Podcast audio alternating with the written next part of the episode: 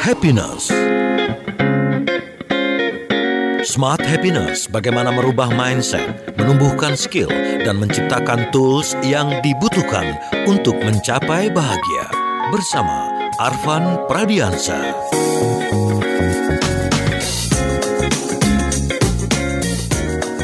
Biarkan yang sudah lewat itu berlalu ya dan keep moving, move on. Wow, smart listener pagi hari ini sudah dibuka dengan sebuah lagu yang benar-benar menghentak semangat kita. Tetapi kemudian kalau diajak untuk uh, berpikir bahwa yang namanya gagal itu biasa, mungkin awal-awal kita akan mengatakan iya, situ enak ngomongnya karena bukan situ yang ngalamin. Selamat pagi smart listener dan juga sahabat sonora di seluruh Indonesia. Saya Ola Nurlija yang juga sering gagal dan bahkan mengalami kegagalan demi kegagalan. Tapi saya bersama-sama dengan Pak Arfan yang senantiasa terus menginspirasi motivator nasional di bidang uh, leadership and happiness ya. Happiness and leadership. Selamat pagi Pak Arfan. Selamat pagi Mbak Ola, apa kabar hari ini? Uh, berwarna kuning. Sama dong dengan saya. Iya ya, sama-sama kuning. Sama-sama kuning ya. Saya harus mengakui bahwa uh, juga sering gagal iya, gitu iya, Pak iya, Arfan iya. dan bahkan kalau udah ngerasa bahwa aku gagal, itu kayaknya ngerasa uh, berarti Langsung yang nggak ada energi ya? Heeh, berarti yang kemarin tuh sia-sia ya. Betul, betul. Ya ampun udah lelah ya gitu. Iya, iya. Sejenak pasti akan akan ada rasa seperti itu Pasti gitu. itu sangat manusiawi ya. sangat manusiawi Iya. ya. Terus tiba-tiba disuruh dengerin Ran. Pasti awal-awal kan kita ngomongnya gini, Iya. so tau nih Ran nih Iya. gitu.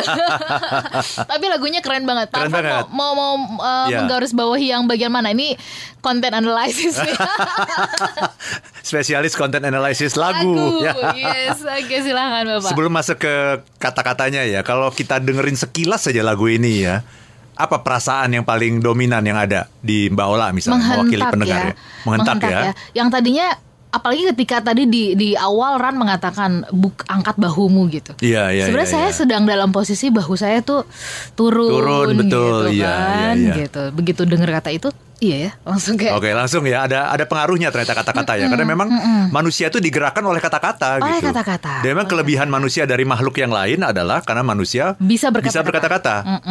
Mhm. Itu Mbak Ola ya. Jadi Oke. menghentak tadi ya kalau Mbak Mbak Ola menghentak. Mungkin ada pen- pendengar yang merasa feel apa ya antusias sekali gitu ya. Antusias, optimis, kemudian merasa positif. Yang pasti ini ada energi ya Ada yang energi. tercipta dari lagu ini. Betul, Ya. betul. Coba kita lihat kata-katanya sekarang ya Mbak Ola ya. Jadi Ron mengatakan ini, dikala kau putus asa, Mhm.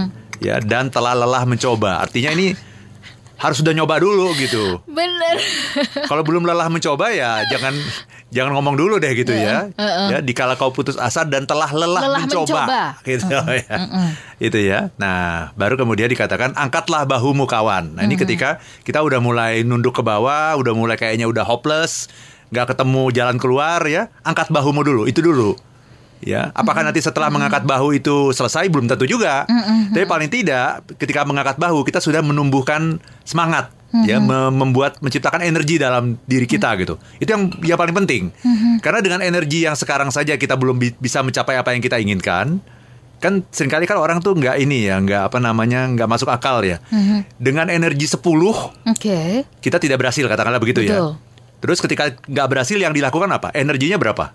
Biasanya. Hmm, kalau eh, energi 10 nggak berhasil, Aha. mau mencoba lagi energinya biasanya udah berkurang tuh. Udah berkurang. Iya. Ya, karena gagal dan seterusnya akhirnya energinya tinggal 5 Tinggal katakanlah. lima, bener. Lah, itu kan nggak masuk akal. Mm-mm. Energi 10 aja Nggak berhasil. nggak berhasil. Kok Apalagi malah kita lima. turunin 5? Itu udah pasti nggak berhasil. Ya ya ya ya. ya. Nah, makanya itu yang namanya feeling dengan logika kadang-kadang memang bertolak belakang. Mm-mm. Itu barusan kita ngomong mengenai logika tuh. Betul. Ya dengan energi 10 aja nggak berhasil. Mm-mm. Gitu mestinya energinya di atas 10 supaya ada kemungkinan Mhm, mhm. berhasil. Berhasil, Itu yang ya. yang ngomong lagi logika itu yang ngomong. Mm-mm. Tapi feeling kita mengatakan ya kita capek, kita kan manusia biasa. Ah, berarti udah turun itu. Ya, nah, ya. itu makanya tadi Ran mengatakan apa? Angkatlah bahumu kawan. Mhm. Gagal itu hal biasa, manusiawi. Dan nah ini penting, bukan akhir segalanya. Hmm. Bahkan dia bilang itulah awal cerita indah. Oke, Eh, not the end before gitu ya? Iya. Belum selesai. Ini belum, titik, selesai, belum masih titik, koma. masih koma dan bahkan dia bilang itulah awal cerita indah. Mm-mm. Karena ketika kita gagal, maka kita akan meningkatkan diri kita. Kalau kita udah berhasil, apakah kita akan meningkatkan kemampuan kita kalau udah berhasil? Hmm, pasti.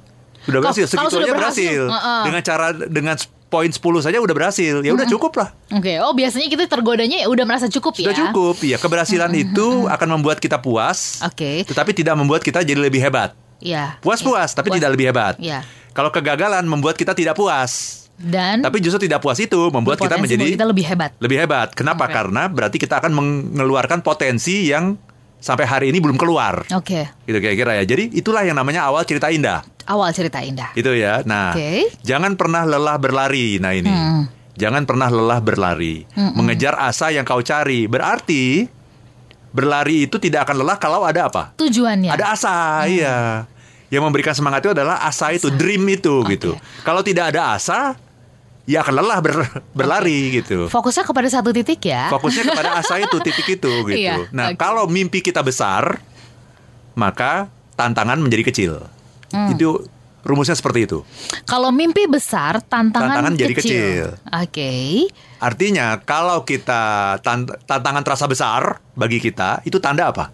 Mimpinya kecil. Mimpinya kecil, iya. Hmm. Kalau tantangan, oh kok berat banget ya, itu berarti mimpinya kecil. Hmm, Nah, Kira-kira begitu. Jadi tadi jangan pernah lelah berlari mengejar asa yang kau cari. Jadi kata kuncinya justru pada asa itu. Mm-mm. Ada hope di situ, ada mimpi di situ, ya. Nah, dilanjutkan di bagian berikutnya dia dia mengatakan keep holding on pada mimpimu. Nah, Hmm. ini betul kan tadi ya? Keep holding on pada mimpimu. Jadi kita tuh benar-benar mimpi itu yang harus kita taruh di kepala kita tuh mimpi. Mimpi, ya. Terus kejar tanpa kau ragu. Nah, ini karena yang sering kali membuat kita gagal adalah keraguan sebetulnya. Jadi ini Oke. Ini bagus sekali nih ininya ya. Eh, la- lagu ini bagus sekali nih. Ragu. Terus kejar tanpa kau ragu. Mungkin gak sih gitu ya Pasti gitu kan Iya. Apalagi kalau udah gagal Udah gagal sekali Kayaknya godaan di depan tuh akan mengatakan gini Tuh kan gagal Betul. I told you, gitu. I told How many you. times I told you, Oh, oh, gitu. gitu Kau sih sok-sokan sih Makanya Iya. jangan sok-sokan jadi malaikat deh Betul, betul, betul. Makin deh tuh Iya, jadi ini yang paling penting itu terus kejar tanpa kau ragu. Jadi kata-kata kau ragu ini penting nih, karena ragu itu adalah bisikan-bisikan dalam diri kita yang melemahkan energi, melemahkan semangat kita gitu. Iya Oke Ya, dan ujungnya adalah keep moving on. Mhm. Yang udah berlalu biarkan itu. Ya dua minggu lalu kita pernah membahas itu ya. Iya. Kita harus move on terus dan sambut hari baru. Kenapa Baik. sambut hari baru? Karena setiap hari sesungguhnya adalah baru. adalah baru. Oke, Itu Mbak Ola. Pak Arfan, em, supaya kemudian energinya menjadi berbeda, smart listener, kalau ada di antara anda yang merasa gagal, ya udah mencoba dan bahkan sedang banyak godaan untuk mengatakan iya ya, kamu sih so tahu, ah ini Iya. kan sudah aku bilang kan, nggak enough berhasil kan, enough, enough gitu. is enough. Ya. Eh, jangan khawatir, saya dengan anda sama kok ya. Ya, ya. Jadi pas Saya banget. juga sama Heeh, kok. Iya. Sama, anggap saja pagi hari ini kita sedang dalam kelas training. Iya, Wih. oke. kita sambut ya nanti sesi yang berikutnya. Smart listener dan juga sahabat yang bergabung, sahabat Sonora. Kami jadi sesaat tetap bersama kami. Smart Happiness.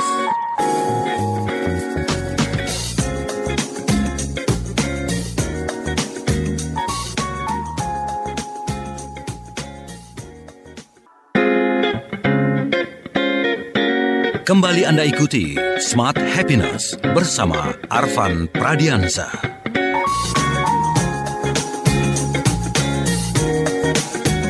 Smart listener dan juga sahabat Sonora di seluruh Indonesia. Pepatah lama mengatakan, saya nggak tahu pepatah ini masih relevan apa enggak.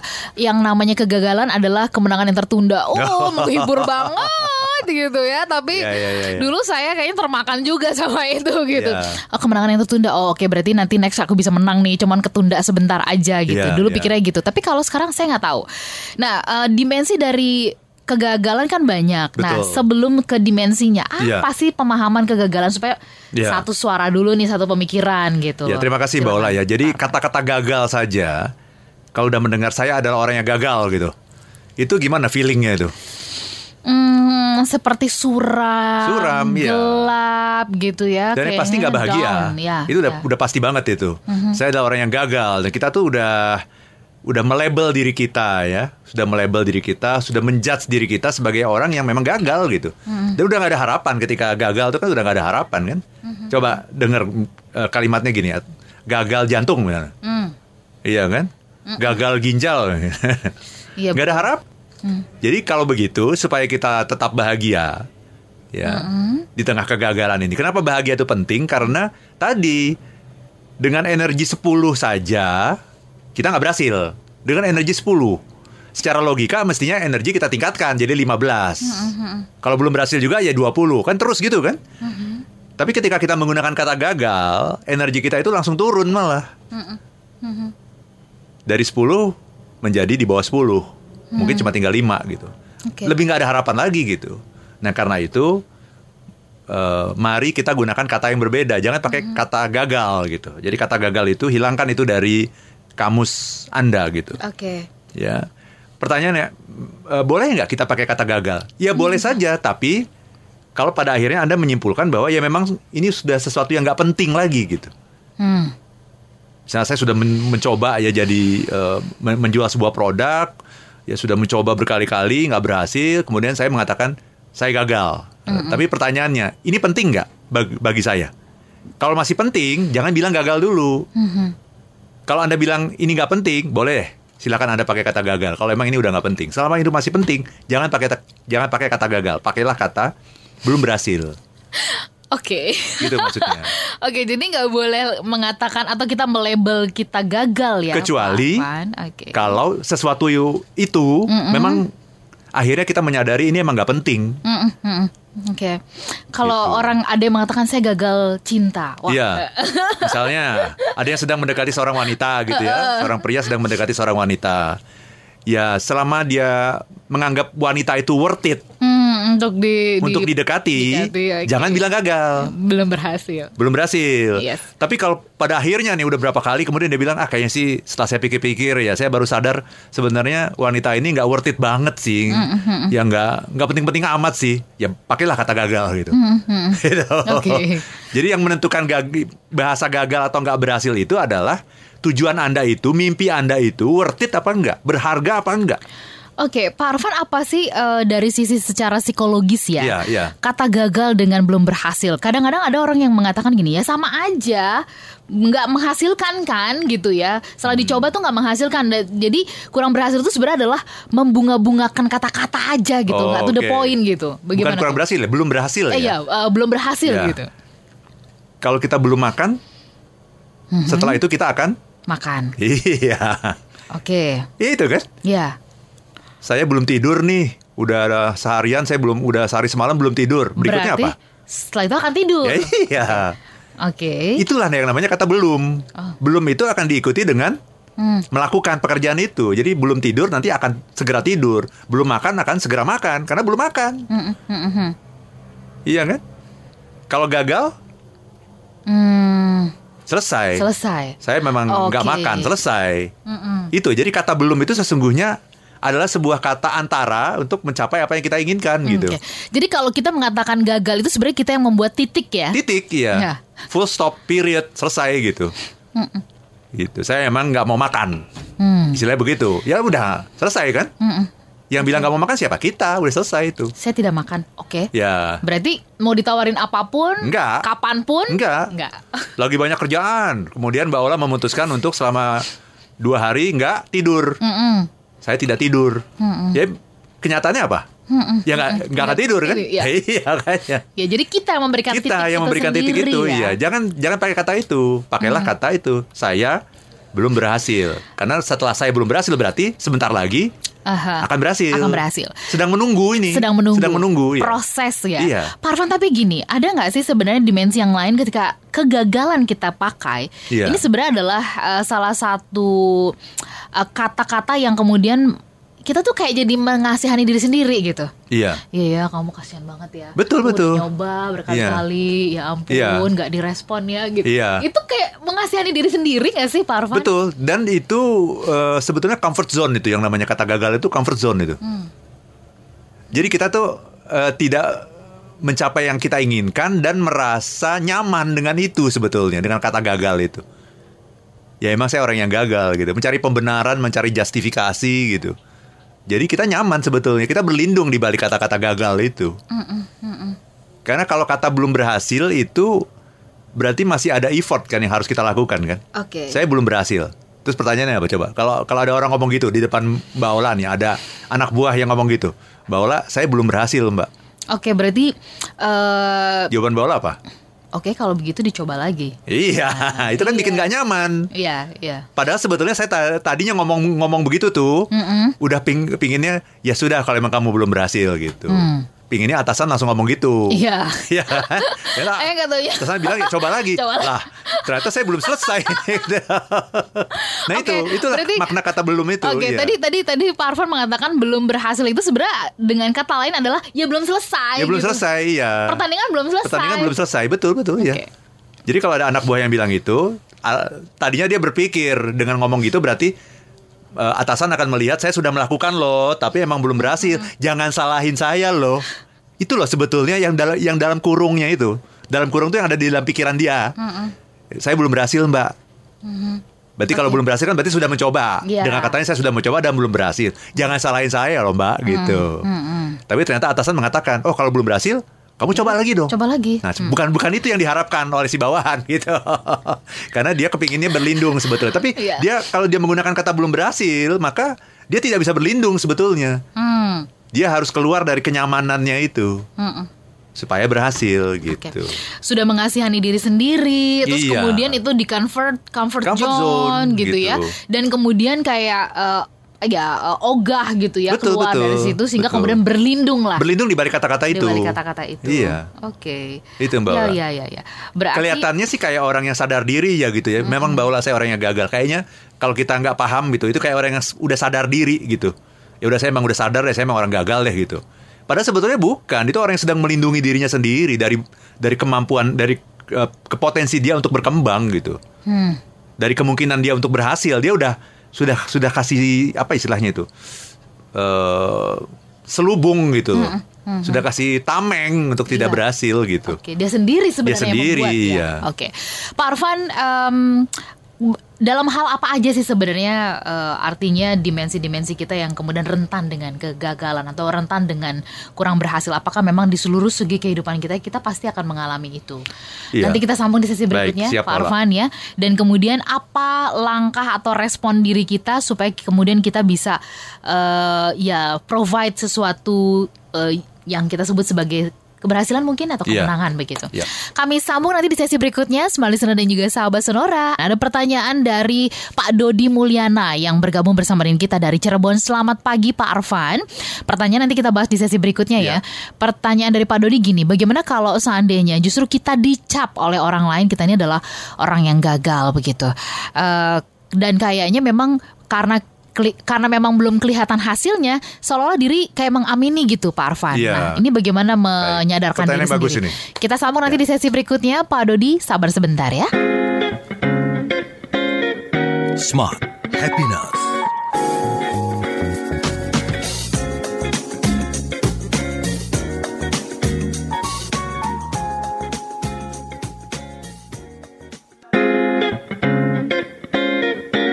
Kembali Anda ikuti Smart Happiness bersama Arfan Pradiansa.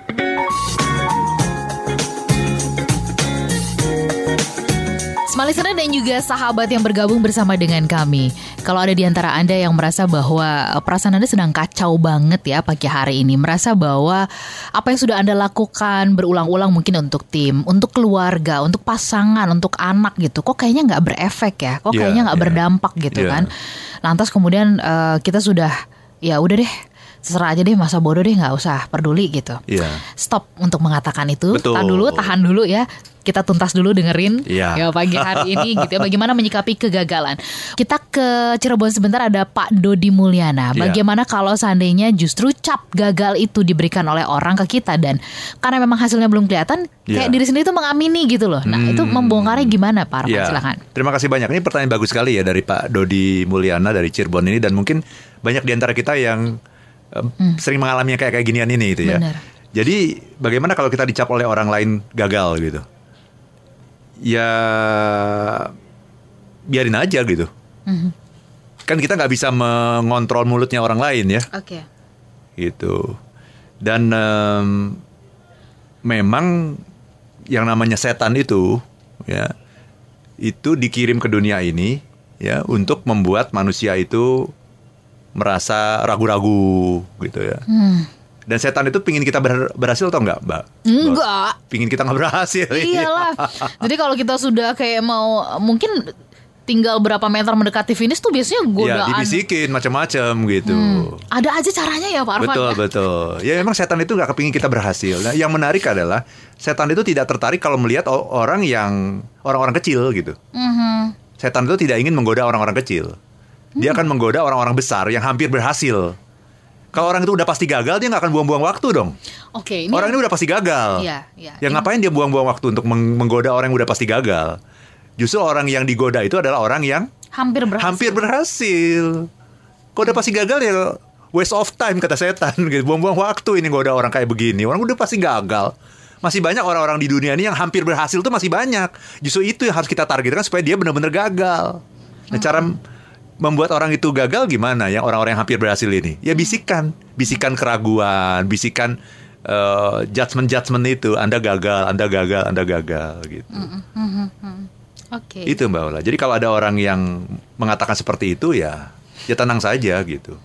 Justru orang-orang itu akan mengatakan sesuatu yang hampir terjadi Hmm. gitu. Nah, orang-orang yang eh, kebanyakan kita itu malah seneng. Sebetulnya seneng. Banyak sekali orang yang ketika ada orang lain bilang kita gagal, wah Mbak Ola ini pasti gagal nih, gitu. Ya. Banyak orang yang malah seneng dengan perkataan orang lain itu, Mbak. Oh, syukurlah kalau gitu. Tapi nggak nggak ngomong begitu. Oh iya, ngomongnya di dalam hati. hati. Di luarnya kelihatannya malah men- menyerang orang itu, Mm-mm. gitu. Padahal sebetulnya malah memanfaatkan omongan orang itu untuk melindungi dirinya. Ya bener kan? Bener kan? Bukan hanya saya loh yang bilang saya gagal. Mm. Nah, gitu. Itu teman-teman saya juga itu bilangnya saya saya pasti gagal tuh kata mereka semua bilang pasti saya gagal tuh. Bukan cuma saya loh yang ngomong gitu, Mbak. Iya. Nah, berarti seolah-olah mencari pembenaran lagi, mencari temen gitu. Gagal dan cari Iya. temen Iya. gitu. Iya. Mestinya kita justru membuktikan eh ini ini justru kalau ada orang yang ngomong gini nih, ini pasti pengaruh-pengaruh setan nih. Mhm. Itu dan setan itu tidak ingin kita berhasil. Dan dia hanya menggoda orang yang hampir berhasil, bukan orang yang hampir gagal, bukan. Yang hampir berhasil yang akan digoda. Iya. Itu Mbak Ola. Iya ya, menarik ya. Dia eh, strateginya pinter juga ya, Pak. Kalau dipikir-pikir ya. Wong dia udah berpengalaman jutaan tahun kok gitu. Ya juga Karena dia ya. nggak nggak mati-mati kan? iya, Iya, jadi iya, dia udah iya, iya, dia iya. sangat mengenal itu manusia itu seperti apa gitu. Dia mungkin lebih Kelemahannya Iya. ya, Pak Arfan ya. Oke. sudah lebih dari ahli psikologi gitu. Ya kalau ahli psikologi sampai doktor itu S3, dia mungkin sudah S7 kali gitu, setan itu. Karena sudah bertahun-tahun dia melihat umat manusia itu seperti apa gitu. Udah tau lah kecenderungan Udah tahu, hatinya. udah tahu. Ini sih sih tough. Tahu. Coba kita godain dikit nih pasti nanti dia Iya. akan down nih. Ya, Iya. gitu. itu dan sering kali orang merasa hebat yo. Saya saya merasa hebat. Jangan salah. Kalau anda merasa hebat, maka setan yang diutus untuk menggoda anda juga yang doktor juga, profesor doktor itu. Setan itu selalu menyesuaikan dengan karakter orangnya. Dengan semakin beriman jangan salah. Iya, dia pasti akan kirim yang yang lebih kelas hebat lah, kakap, kelas gitu. kakak. Iya. Iya. Apalagi yang rajin puasa. Iya, rajin sholat. Oh, jangan salah. Jangan salah. Ini dia sangat Iya. eh, lihai sekali Dia gitu ya tahu ya gitu. Pak Arfan. Itu ya. Mbak Ola. Oke, keren keren keren. Oke, kita ke ke, ke SMS dan juga WhatsApp Iya, lagi. Ada silakan. Evelyn yang bergabung bersama dengan kita. Pak Arfan, bagaimana caranya untuk bangkit katanya ya? Iya. Move on seperti yang disampaikan oleh Ran tadi. Iya. Kalau denger lagu iya sih suruh bangkit, tapi kemudian gimana caranya untuk bisa move on? Iya.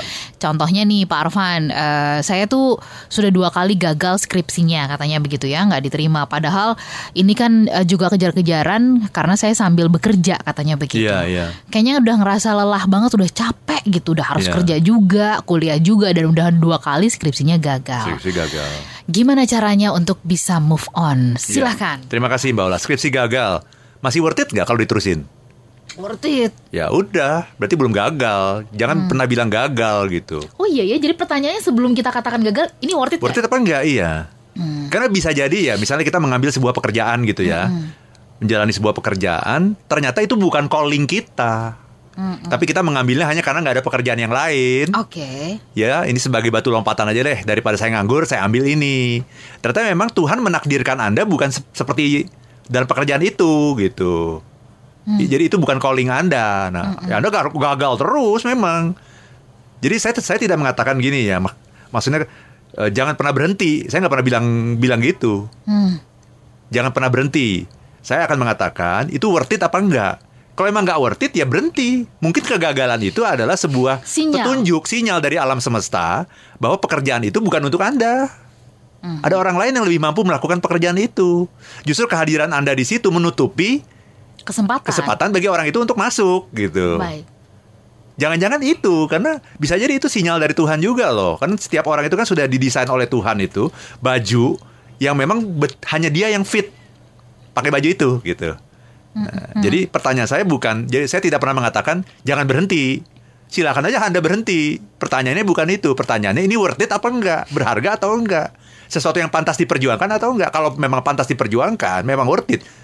Jangan gunakan kata itu gitu. Jangan bilang gagal tapi belum berhasil. Nah, tadi eh Evelyn menanyakan bagaimana caranya bangkit. Saya akan mulai dengan melihat diri sendiri dulu deh. Kalau Anda diminta untuk menggambarkan diri Anda, Hmm. memberikan analogi mengenai diri Anda, seperti apa analoginya? Ada tiga pilihan. Pilihan pertama adalah pilihan pertama adalah telur. Hmm. Ya, telur kalau Oke. dibanting gimana? Pecah. Pecah. Ah, Nggak usah pakai nunggu lama. langsung pecah berserakan, gitu ya. Berserakan gitu. Iya, kuning telurnya berserakan gitu ya. Dan akhirnya menjadi ses- sesuatu yang Nggak berguna. nggak berguna, bahkan orang lain jijik melihatnya kan Betul. begitu. Padahal tuh telur sebetulnya bermanfaat banget kan gitu ya, tapi orang jadi jijik melihatnya gitu. Nah, Anda seperti itu bukan? Nah, itu satu. Yang kedua, orang dibanting gitu kayak kayak jeruk, Mbak. Jeruk kalau dibanting gimana? Eh, jatuh ke Ya udah jatuh, selesai. gitu udah. Ah. Gitu, iya. Nah, jangan-jangan Anda seperti itu, analogi Anda mengenai diri Anda. Atau analogi Anda seperti bola bekel. Oke. Nah, kalau bola bekel dibanting, Mental. mental. Semakin keras bantingannya, Makin tinggi semakin tinggi eh, apa namanya lompatannya gitu. Nah anda melihat diri anda yang mana nih Mbak Evelyn ini? Hmm. Pilih satu dari tiga itu. Oke. Itu Mbak Ola. Itu akan menentukan nanti bagaimana cara kita berperilaku. Jadi cara kita berperilaku itu tergantung dari how do you see yourself. Anda melihat diri anda tuh yang mana gitu. Olah Nurlija tuh yang mana? Telur, jeruk, atau, Atau bola bekel? bekel. Yang mana? Ya ya ya ya. Karena banyak teman-teman yang mengatakan saya bola bekel, saya bola bekel aja. itu kata orang. Itu kata Pertanyaan, orang. Anda yakin nggak? Nah, diri sendirinya gimana Ah. gitu ya. Kata orang itu nggak ada artinya kalau kita nggak yakin. Itu akan mental semua gitu. Apa pun yang baik yang orang katakan mengenai kita Nggak akan berguna. nggak akan ya. berguna buat kita kalau kita mengatakan tidak Ya. gitu. Sebaliknya juga apa pun yang jelek yang orang katakan mengenai kita itu nggak akan ada artinya juga, nggak akan ngefek juga ke kita kalau kita mengatakan tidak gitu. Baik. Itu Mbak Ola. Pak Arfan kita akan jeda. Eh, Pertanyaannya nih sebelum kita jeda ya nanti eh, smart listener juga yang lain boleh tanya. Apa yang mesti kita ubah? Ya, very good. Supaya kemudian eh, kita bisa eh, menyikapi kekurang berhasilan kita atau belum berhasilnya kita atau kalau tadi disebut di awal kegagalan gitu ya. Apa yang mesti da- dirubah? Apakah mindset, perilaku gitu ya atau hatinya kita yang mesti dirubah? Ya. Kita sambung nanti di sesi berikutnya. Smart listener dan juga sahabat Sonora kami jadi sesaat untuk satu sesi yang terakhir. Smart Happiness.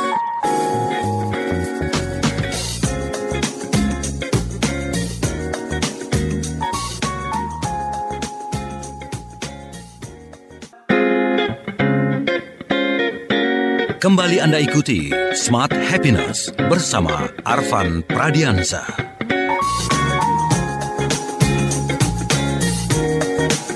Smart Listener dan juga sahabat Sonora di seluruh Indonesia Kita sambung dalam Smart Happiness. Bagaimana menyikapi kegagalan? Nah kalau tadi ada juga yang bertanya soal eh, apa gagal skripsi. Nah ini ada yang eh, bertanya soal gagal gagal untuk menikah. Nah, Iya, iya. ya sudah beberapa kali Pak Arfan gagal menikah katanya begitu. Hmm. Pertanyaan dari Purnomo. Nah, ini Iya. gimana ya Pak Arfan? Kayaknya saya kayak udah merasa mat- kayak udah mati rasa, udah Iya. nggak udah nggak kepikiran, udah nggak kepengen lagi gitu.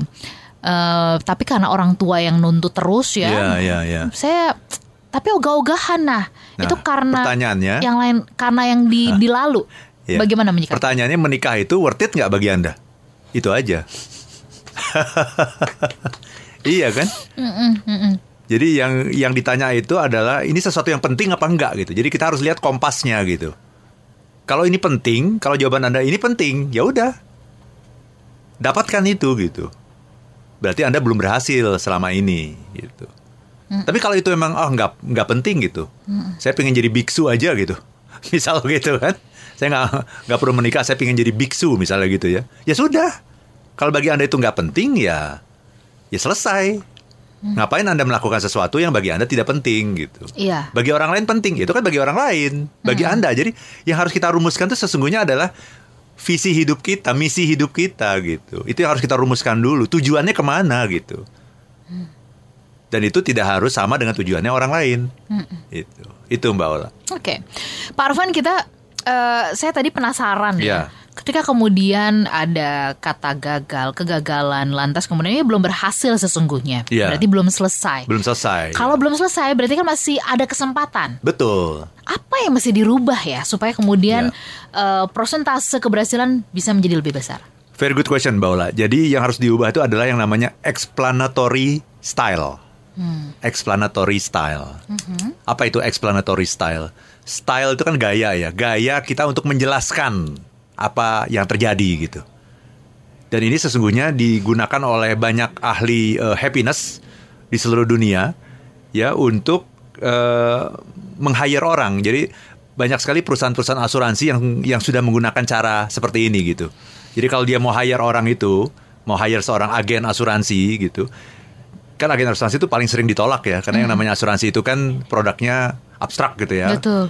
Cuma jualan kertas saja tuh jutaan gitu ya, cuma jualan kertas padahal gitu dan Anda juga baru bisa mendapatkan manfaat asuransi itu kalau Mm-mm. Anda mengalami musibah gitu. Betul. Which is gak diharapkan oleh siapa pun gitu. Masa eh, mengharap-harap musibah Iya, sih? kita nggak mengharap mengharap musibah kan kan seperti itu. Jadi paling susah itu kan. Jadi yang namanya agen asuransi. Pak Arfan, Gitu. saya masih ingin menggali lebih banyak lagi, tapi waktu ya. Waktu iya. Eh, mungkin nanti next time bisa di, di kita buat sequelnya Iya. kegagalan part yang kedua. Boleh, misalkan. boleh, nanti kita cari dari waktu ya. dimensi yang berbeda. Dimensi yang berbeda, iya. Eh, ini kan ketika orang mengalami kegagalan biasanya eh, percaya dirinya udah runtuh. Iya. Apa udah kayak nggak punya apa ya keberanian. Betul. Nah, menumbuhkan itu perlahan-lahan gimana? Nah, mungkin nanti di sequel Iya. yang kedua. Sebetulnya kali sih secara singkat ya itu orang yang tidak beriman sih. Hmm, Itu loh, kan sering kali kita mengartikan iman itu kan sekedar pergi ke tempat ibadah gitu ya. Betul. Rajin sholat, pergi ke gereja, bukan itu. Iman adalah ketika Anda gagal, Anda yakin nggak Anda bisa berhasil? Oke. Dan yang namanya yakin itu kan dua hal ya, yakin kepada di- diri Anda dan potensi yang di yang Anda miliki. Satu satu lagi yakin kepada Oke. Sang Bantuan Maha- Tuhan. Sang Maha Besar ya. iya. Yang maha besar bagi Tuhan itu kecil, bagi kita itu besar, bagi Tuhan itu kecil. Masalah yang kita lihat begitu besar itu bagi Tuhan itu kecil. Iya iya iya. Masalahnya percaya apa enggak? Iya, nah, itu yang menunjukkan enggak? Eh, itu menunjukkan Anda beriman apa enggak gitu. Oke. Kalau saya meng- mengartikan iman itu bukan dari orang itu sholat apa enggak loh. Mbak Ola karena ada banyak sekali loh orang yang sholat tapi tidak beriman. Jangan salah itu. Dan sering kali kita kalau udah sholat menganggap diri kita beriman. Belum. Justru memang ujian iman itu bukan pada saat segalanya baik-baik ya. Iya, iya. Justru Saya sedang diuji nih Ya, gitu. Justru ketika godaan yang hampir berhasil tadi. Hampir berhasil. Dan setan itu jangan salah, setan itu juga jangan hanya melihat setan itu sebagai sesuatu yang tidak terlihat ya. Setan juga bisa meminjam jasad-jasad orang apa namanya wujud yang terlihat gitu. Bener. Namanya juga setan, Oh, iya, pintar. setan. Iya. Iya kan jutaan tahun ter, Iya. terlatih dengan berkeliaran di dunia ini kan di dunia gitu. ini. Oke. Jadi kalau ada orang yang mengatakan itu seperti Anda eh, eh, apa bahwa Anda gagal dan sebagainya, jangan-jangan orang itu sudah sedang dalam pengaruh setan. Setan. Hati-hati itu. Oke. Baik Pak Arfan, eh, pagi hari ini seperti menemukan sebuah jawaban dari pertanyaan saya. gitu. Oh, oke ya terima jadi, kasih. da- jadi Tuhan langsung ngasih nih jawabannya, jawabannya nih, ya. satu jam loh. jadi kalau eh, apa namanya setan bisa, me, namanya juga setan kan bisa Iya. memakai wujud apa pun gitu. Iya. Demikian pula Tuhan ya. Betul. Dia bisa memakai suara siapa pun gitu. Suara siapa pun. Untuk menjawab. Barangkali Iya. ada di antara smart listener dan juga sahabat Sonora. Iya. Yang merasa demikian. Saya pribadi Iya. eh, pagi hari ini seperti mendapatkan sebuah jawaban. Alhamdulillah. dari ya. apa yang saya mungkin eh, apa ya galaukan, renungkan iya. gitu Iya. ya. Terima kasih Pak Arfan Sama-sama pagi Mbak hari ini. Mudah-mudahan eh, pendengar yang lain juga seperti itu ya. Seperti itu ya. Oke, kami pamit Sela Nurlija. Dan saya Arfan Pradiansyah. If you wanna be happy, be happy now. Demikian Smart Happiness bersama Arvan Pradiansa, penulis buku bestseller Life is Beautiful dan The Seven Laws of Happiness.